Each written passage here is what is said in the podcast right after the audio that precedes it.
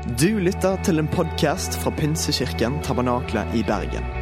Vi tror at kirken skal være en plass hvor mennesker trives gjennom alle livets faser. En kirke for hele livet. Ønsker du å bli bedre kjent med oss eller holde deg oppdatert? Besøk vår Facebook-side eller ptb.no. Her er ukens tale. Veldig hyggelig å se dere igjen. Velkommen tilbake til eh, deres eh, førstehjem og deres andre hjem, ettersom eh, hvordan dere føler det. Eh, Men vi er veldig glad for å ha dere her i eh, kirken vår, og håper du føler deg hjemme her sammen med oss. Vi, eh, det har vært nevnt et par ganger allerede at vi feirer 100 år som menighet dette året her. Og det er virkelig stas. Det er eh, ja, det, det er liksom et rundt tall, kan man si, på en virkelig eh, måte. Og eh, når vi har tenkt litt på dette året her, og hva, hva vi skal ha på en måte som en tittel for dette året, så er det en ting som helt fra jeg var i Argentina i eh, oktober, som jeg ikke har fått liksom slept i tanken, og det er 'som aldri før'. Det tror jeg er eh, noe som eh, Gud har på agendaen for mitt liv, og jeg tror for ditt liv og for kirka vår. At Gud ønsker at vi skal få lov til å oppleve et år som aldri før. Så kan du si ja, men det er jo obvious, for det har jo ikke vært før.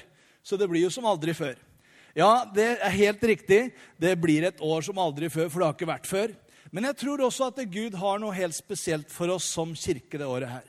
Det er flere som har opplevd det, flere som har eh, tenkt på det. Når de har bedt sammen, så har de fått eh, oppleve liksom at Gud han, det er som, det er et eller annet som kommer til å skje det året her i kirka vår. Og Det fyller meg med spenning og forventning og eh, glede overfor det som ligger foran. Og Det er et par vers som spesielt jeg har fått i forhold til dette året her. Og Det ene står i Jesaja 43 og vers 19. Der står det Se, jeg gjør noe nytt. Det spirer allerede frem. Merker det dere ikke?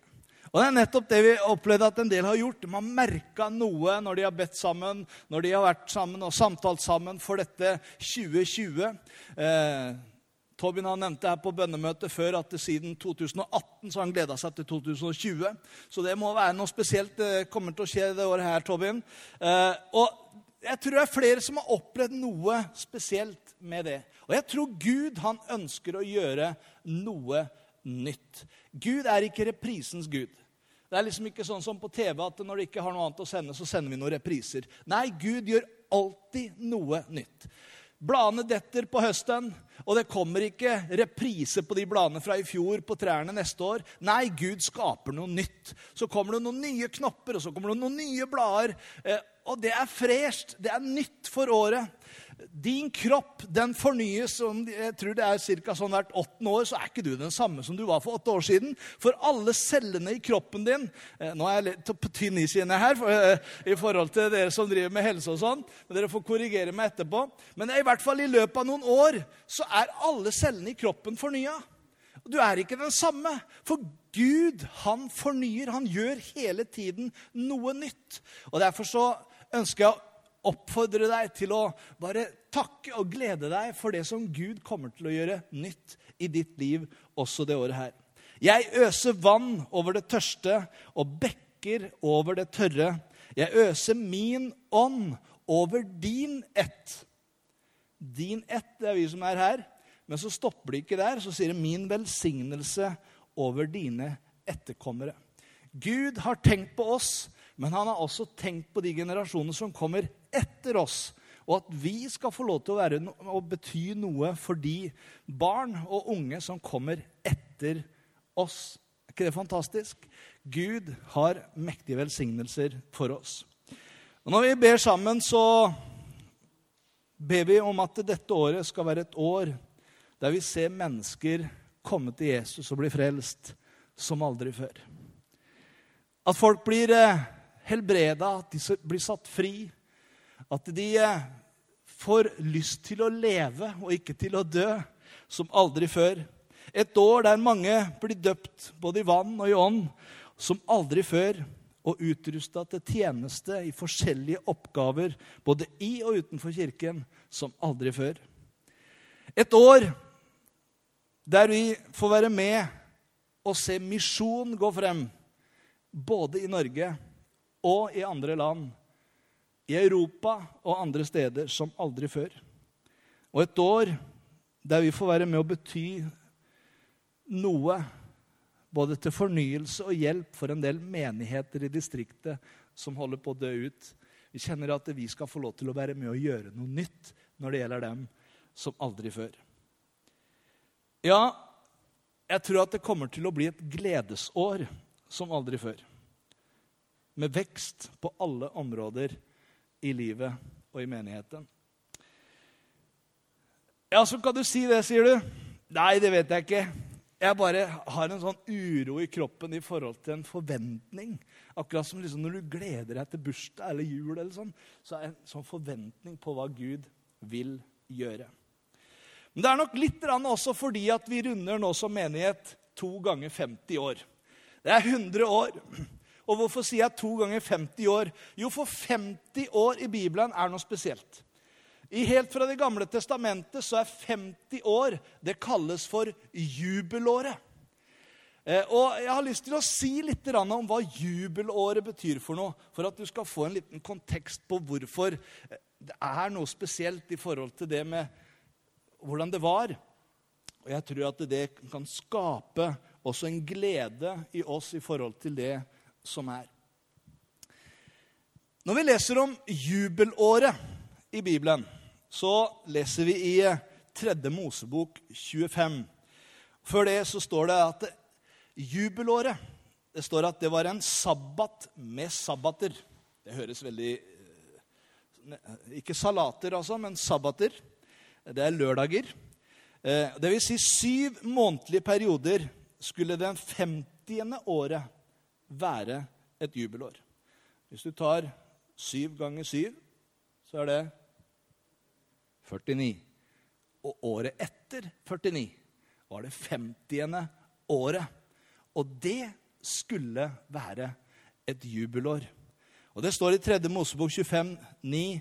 Og i det sjuende måneden, på den tiende dagen i måneden, skal du la basunen lyde gjennom landet.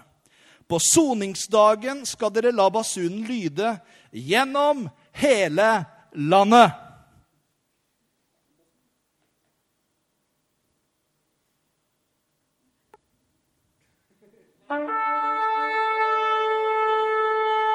Ja, Vi må nesten reise oss til det, altså.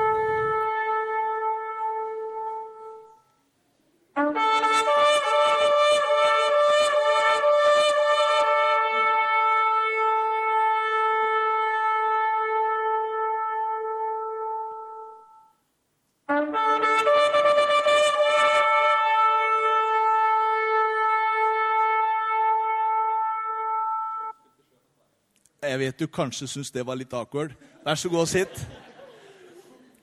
Men jeg hadde lyst til at du skulle få litt feelingen. Fordi når denne lyden hørtes, så var ikke det tilfeldig. Det var noe spesielt. De hadde venta, mange av dem, lenge på at den lyden skulle komme.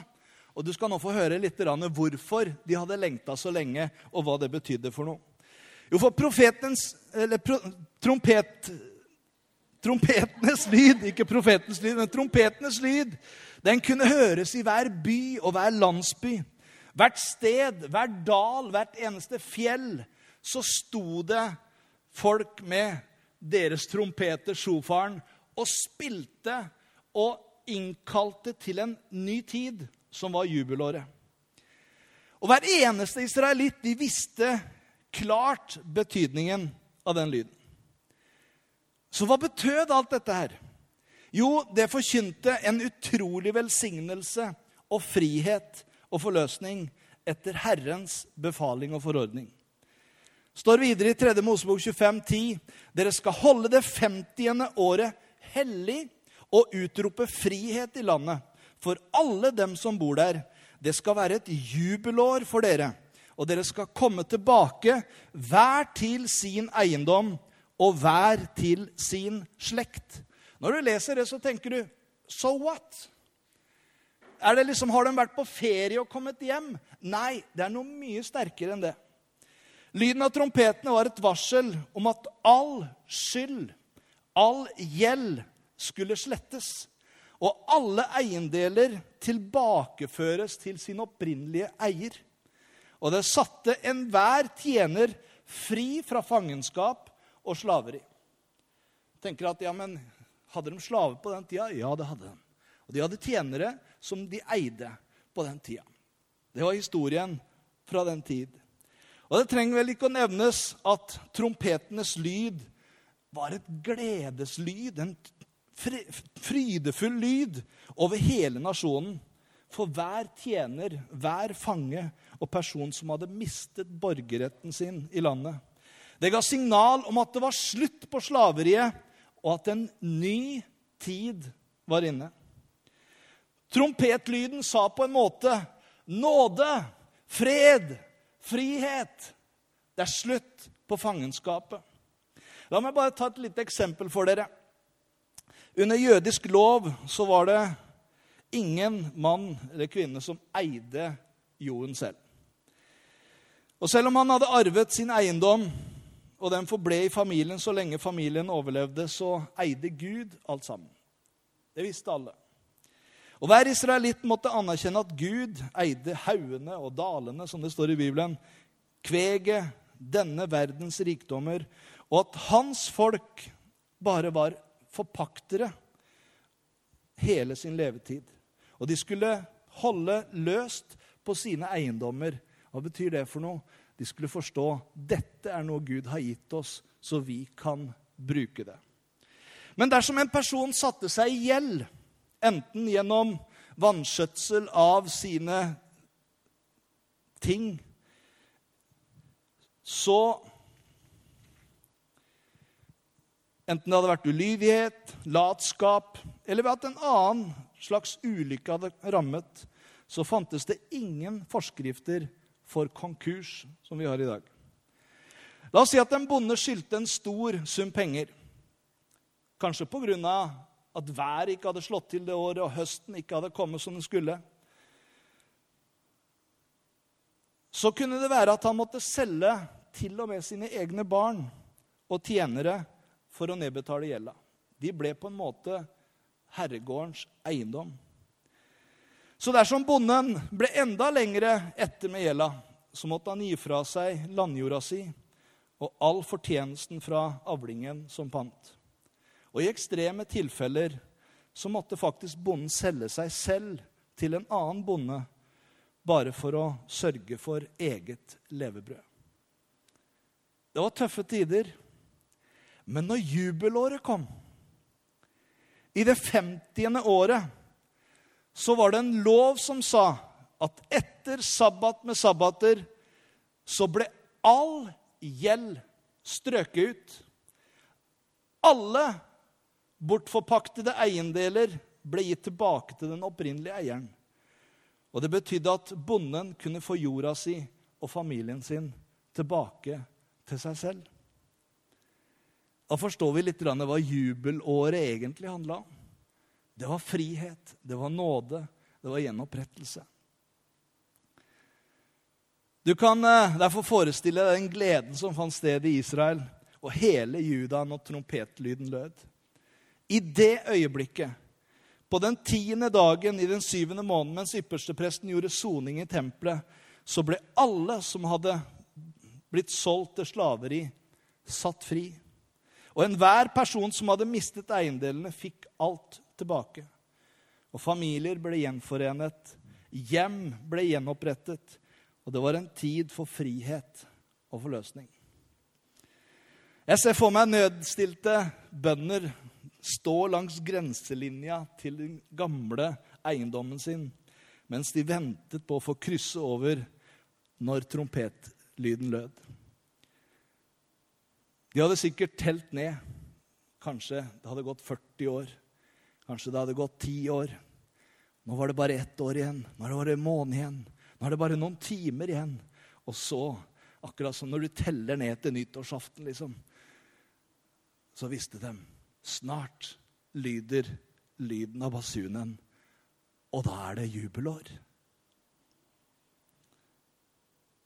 De må ha tenkt jeg får tilbake alt jeg har mista.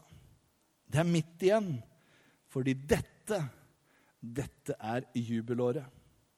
Og jubelåret det skulle vare et helt år med feiring. Jeg holdt på å si julefeiring hver eneste dag. Med lovprisning til Gud for Hans nåde, Hans ordninger og Hans frihet. Jeg vil at du skal forstå at friheten som ble proklamert i det jubelåret, var ikke en uklar idé på troen alene, men det var landets lov.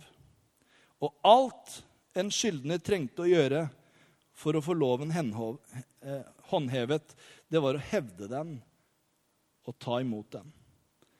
Levittene, altså prestene i tempelet, de opprådte som voktere av denne loven eller politi om du vil, slik at alle ble sikret rettferdighet. Av og til så kunne det skje at en herre kunne kanskje si til en tjener du, du får ikke gå. Du er fremdeles min tjener. Gå tilbake til arbeidet ditt. Men da kunne tjeneren nesten le sin herre opp i ansiktet og si der tar du feil.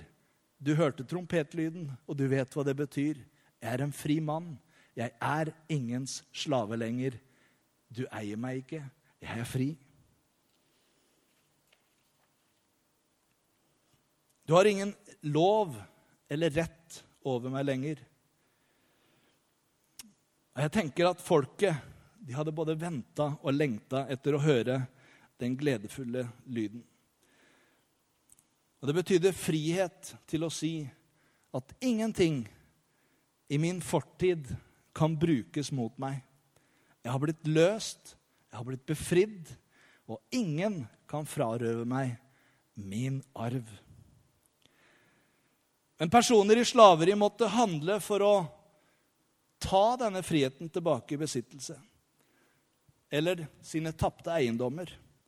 Han kunne ikke bare danse og rope i synagogen og ønske og tenke at 'nå er jeg fri', men han måtte faktisk ta imot denne friheten og leve i den friheten og den rettigheten de hadde. Og Det er noen fantastiske paralleller når du leser den historien om hvordan Bibelen snakker om dette i Det gamle testamentet. Og så kobler han det inn i Det nye testamentet. For jeg skal la Det gamle testamentet og historie være nå. Men når Jesus kommer, så er det på en måte at profetene Og det er profetene kommer inn, ikke trompetene. Hadde talt om han som skulle komme. Og det skulle være som et jubelår. Det skulle være innledningen til et ny tid. Når vi deler nattvær sammen, så snakker vi om en ny pakt. Og denne nye pakten, denne nye tiden som kom inn, skulle være et jubelår. Og det er noen fantastiske paralleller som vi skal se litt på her. Jeg vil at du skal vite at Bibelen kaller djevelen for en løgner som har kommet for å stjele, myrde og ødelegge. Og Det kan være mange ting i livet vårt som gjør at vi kan føle at vi har mista noe. Kanskje vi har tatt noen feilsteg i livet som har gjort at eh, vi har på en måte blitt noen andres eiendel. Ja, hva betyr det? Jo, at jeg har gjort ting som jeg kjenner at andre har noe på meg. Eh, det kan være synd, det kan være bedrag, det kan være forskjellige ting.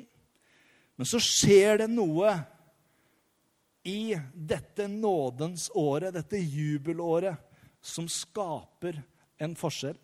Og Jeg har lyst til å dele noe av det med deg. I profetien i Det gamle testamentet så var jubelåret en modell nemlig for den messianske tiden.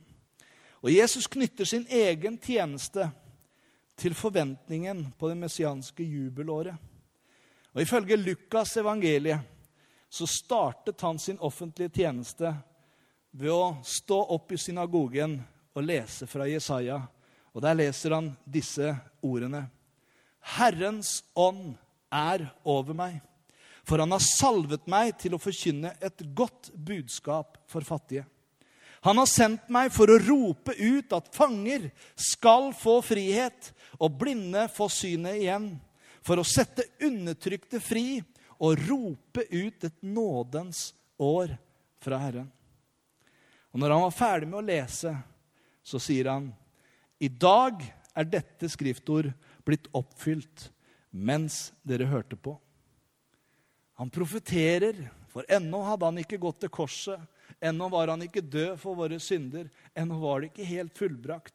Men det starta på en måte noe, en nådens tid, et jubelår, som skulle avsluttes ved Jesu død og oppstandelse. Og Dette bibelstedet er en proklamasjon også av Kristi seier over døden og korset og graven. Jesaja han bruker språkbruken fra jubelåret her når Jesus sier dette, og på en måte sier 'la trompet, trompetene lyde' for å annonsere det glade, frydefulle, frihetens år som vår frelser har gitt oss. Og Dette avsnittet refererer også til begivenheten hvor Jesus stiger opp til herligheten etter sin døde oppstandelse, Jesu himmelfart. Og Den himmelske Far, etter å ha sett de forferdelige lidelsene til sin enbårne sønn, så forbereder han en ærefull velkomst for Jesus i himmelen. Og da Jesus gjorde sin himmelfart, ble han virkelig eskortert av en hærskare av engler som jublet sammen med ham i inntoget inn i himmelen. Og vårt begrensede sinn kan ikke helt fatte denne herlige begivenheten. Da Kristus nærmet seg Guds evige by, kanskje ridende på en hvit hest, som Bibelen også snakker om av og til, så ble han eskortert av denne veldige prosesjonen. Og da han gikk inn gjennom portene, så forkynte Guds trompeter i himmelen, står det. For Gud, Gud for opp under jubelrop, Herren under basuners lyd. Det var skikkelig basunlyd i himmelen. Det var fest. Det var et nådens år som på en måte starta. Et jubelår. Og lyden proklamerte til hele menneskeheten Jeg har sørget for at dere kan passere ut av fengselet. Bli gjenforent med familien og ha alt dere trenger for et tilfreds liv. Deres syndegjeld er betalt. Dere er fri til å leve uten frykt for fienden. Kom nå inn i min glede. Paulus han eh, beskriver Jesu frelse og triumferende himmelfart på denne måten i, andre kolosse, i Kolossebrev kapittel 2. Eh, dere var døde på grunn av misgjerningene og deres uomskårne kjøtt og blod. Men han gjorde dere levende sammen med Kristus da han tilga oss alle våre misgjerninger. Og så står det så bra, som jeg syns er en parallell til det gamle. Gjeldsbrevet mot oss, det slettet han. Det som var skrevet med lovbud, han tok det bort fra oss da han naglet det til korset. Han kledde maktene og åndskreftene nakne og stilte dem frem til spott og spe da han viste seg som seiersherre over dem på korset. Fantastisk ting som skjedde da Jesus døde på korset. Det var at alle mine synder, alle dine synder, alle verdens synder, det nagla han til korset. Alt det vi hadde gjort mot Gud, som hadde skilt oss fra en evighet sammen med han, det kobla Jesus gjennom at han tok din og min synd på seg. Og så får vi lov til å være fri. Det er akkurat som han roper ut et nådens år for oss. Dere er fri. Dere er ikke slaver. Dere er ikke fanget. Dere kan ta imot evig liv og frihet og frelse gjennom å tro på meg. Så hvilke tanker tror du Jesus har for dette året? Jeg tror at Jesus ønsker å bli synlig i kjærlighet og kraft. Og Vi ønsker at jubelåret skal være nettopp dette også for Pinsekirken Tabernakle. Et år der vi gjør Jesus synlig. At hans visjon og hans misjon skal være vår visjon og vår misjon. Hvis vi skal bruke Jesu ord i synagogen, så kan vi si at som aldri før skal vi gi et godt budskap til de hjelpeløse. Vi skal forkynne evangeliet. Vi skal forbinde de som har et knust hjerte, helbrede og hjelpe. Vi skal rope ut frihet for de som er fanget, frelse, frihet og rettferdighet. Og frigjøre de som er bundet, tilgivelse og gjenopprettelse. Det fins mennesker som trenger å gjøre opp med Gud og med hverandre. Og Gud ønsker å hjelpe oss med det. Han vil også at vi skal trøste de som sørger. Omsorg og nærhet. Og vi har fått oppleve noe av det i jula. En utrolig fortvilelse. Og mange ganger så vegrer vi oss for omsorg og nærhet, for vi vet ikke alltid hva vi skal si. Men av og til er det beste måten det er å bare være der ha nærhet. Men så sier Jesus også at vi skal rope ut et nådens år fra Herren. Et jubelår. En nådens tid. Jesus sa, 'Sannelig, sannelig, sier jeg dere, den som tror på meg, skal også gjøre de gjerningene jeg gjør.' Ja, enda større gjerninger, for jeg går til far. Jeg husker når jeg leste dette ganske ung, så tenkte jeg det er jo umulig. Ingen kan gjøre større gjerninger enn det Jesus gjør. Men jeg tror det har noe med både mengden og hvordan Jesus så det for seg. Jesus var bundet i sin kropp til å kunne gjøre de gjerningene han gjorde, bare der hvor han var til stede. Men når Jesus får opp til himmelen, så sier han det lønner seg for dere at jeg går bort, for da sender jeg talsmann til dere. Han kan være alle steder på én gang. Så Han kan være her i Bergen, mens andre tilber Gud i Australia og, og ber til Gud der, og så er han der også kan være mange steder på en gang. Større ting enn dette. Og Jesu innbydelse til oss i jubelåret kan vi kanskje si er det som står i Johannes 7, vers 37. På den siste dag i høytiden, den store festdagen, en sånn jubeldag, sto Jesus fram og ropte:" Den som tørster, la han komme til meg og drikke. Og den som tror på meg, fra hans indre skal det, som Skriften har sagt, renne strømmer av levende vann. Det sa han om den ånd de som trodde på ham, skulle få. Når Gud flytter inn i vårt liv, så flytter han inn med sin ånd i vårt liv. Og så skaper det noe der inne. En kraft, en vilje, en hjelp, en trøst. Den hellige ånd flytter inn og bor i oss. Og før Jesus forlot disiplene sine, så minnet han igjen dem på akkurat dette. Og Vi leser fra Lukas 24.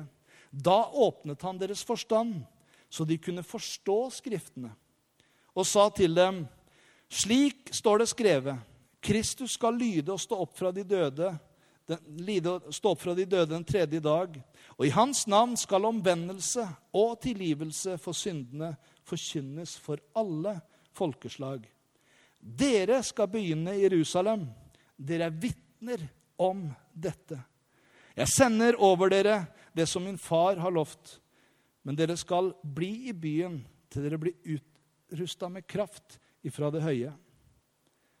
Og så gir han disiplene oppdraget som vi også kaller for misjonsbefalingen. Og Jeg leser den ifra Markus evangeliet. Og Han sa til dem, gå ut i hele verden og forkynne evangeliet for alle mennesker. Den som tror og blir døpt, skal bli frelst, men den som ikke tror, skal bli fordømt. Og disse tegn skal følge dem som tror. I mitt navn skal de drive ut onde ånder, de skal tale nye tungemål, og de skal ta slanger i hendene. Om de drikker dødelig gift, skal det ikke skade dem. De skal legge hendene på syke, så de blir friske.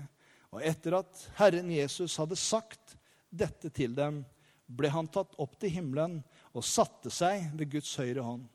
Men de gikk ut og forkynte overalt, og Herren selv virket med og stadfestet ordet gjennom de tegn som fulgte.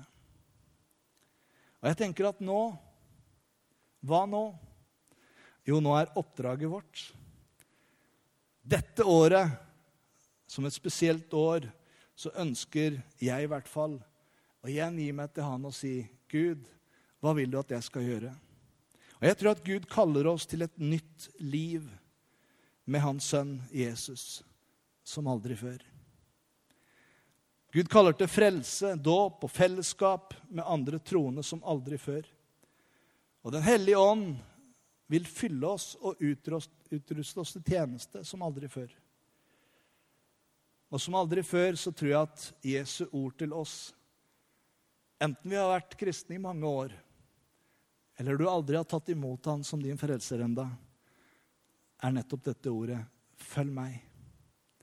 Følg meg.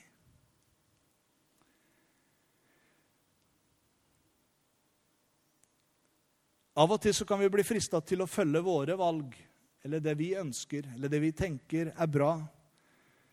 Jeg har valgt eh, dette året her å tenke som så Gud, jeg vil ikke planlegge en hel masse med ting og si Gud, kan du velsigne det jeg har planlagt nå? Men heller eh, gå etter og si Gud, hva er det du har planlagt for dette året? Kan jeg få være med på det? Jeg tror det er eh, ikke nødvendigvis det blir så mye verre. Jeg tror Gud har gode tanker for oss. Det står at han har fredstanker for oss og ikke ulykkestanker. Han vil gi oss framtid og håp. Og Kanskje vi skulle bruke litt av tida framover, kanskje bruke bønneuka også, til å spørre Gud hva vil du med mitt liv dette året? Lovsangerne kan komme fram, og vi kan stå opp alle sammen.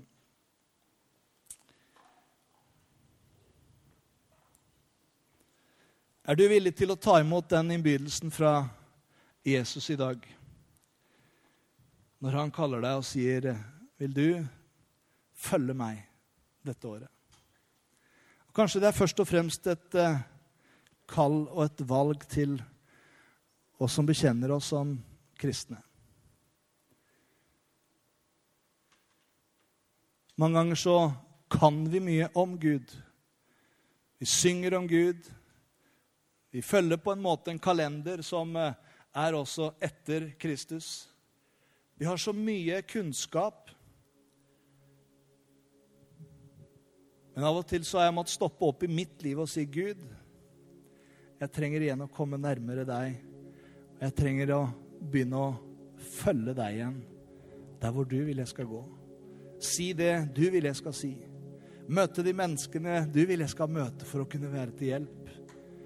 Få lov til å tjene der hvor du har kalt meg. I de gavene og de talentene du har gitt meg. Herre, hjelp meg å følge deg. Og Jeg tror det er et kall til oss som kristne dette året her. Jeg tror Gud ønsker å gjøre spennende ting i ditt liv, i mitt liv. Men det starter med at vi får lov til å si, 'Herre, jeg gir meg helt til deg'. Og når han sier 'følg meg', så får vi lov til å begynne denne spennende vandringen og begynne å leve sammen med ham. Vi bare ber sammen litt felles. Hvor du kan få lov til å bare der hvor du står, si Jesus. Jeg vil at dette året skal være et år der hvor jeg får følge deg.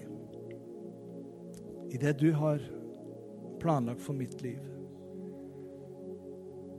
I tillegg til studier og i tillegg til det andre jeg gjør, så takker jeg for at du har tanker for meg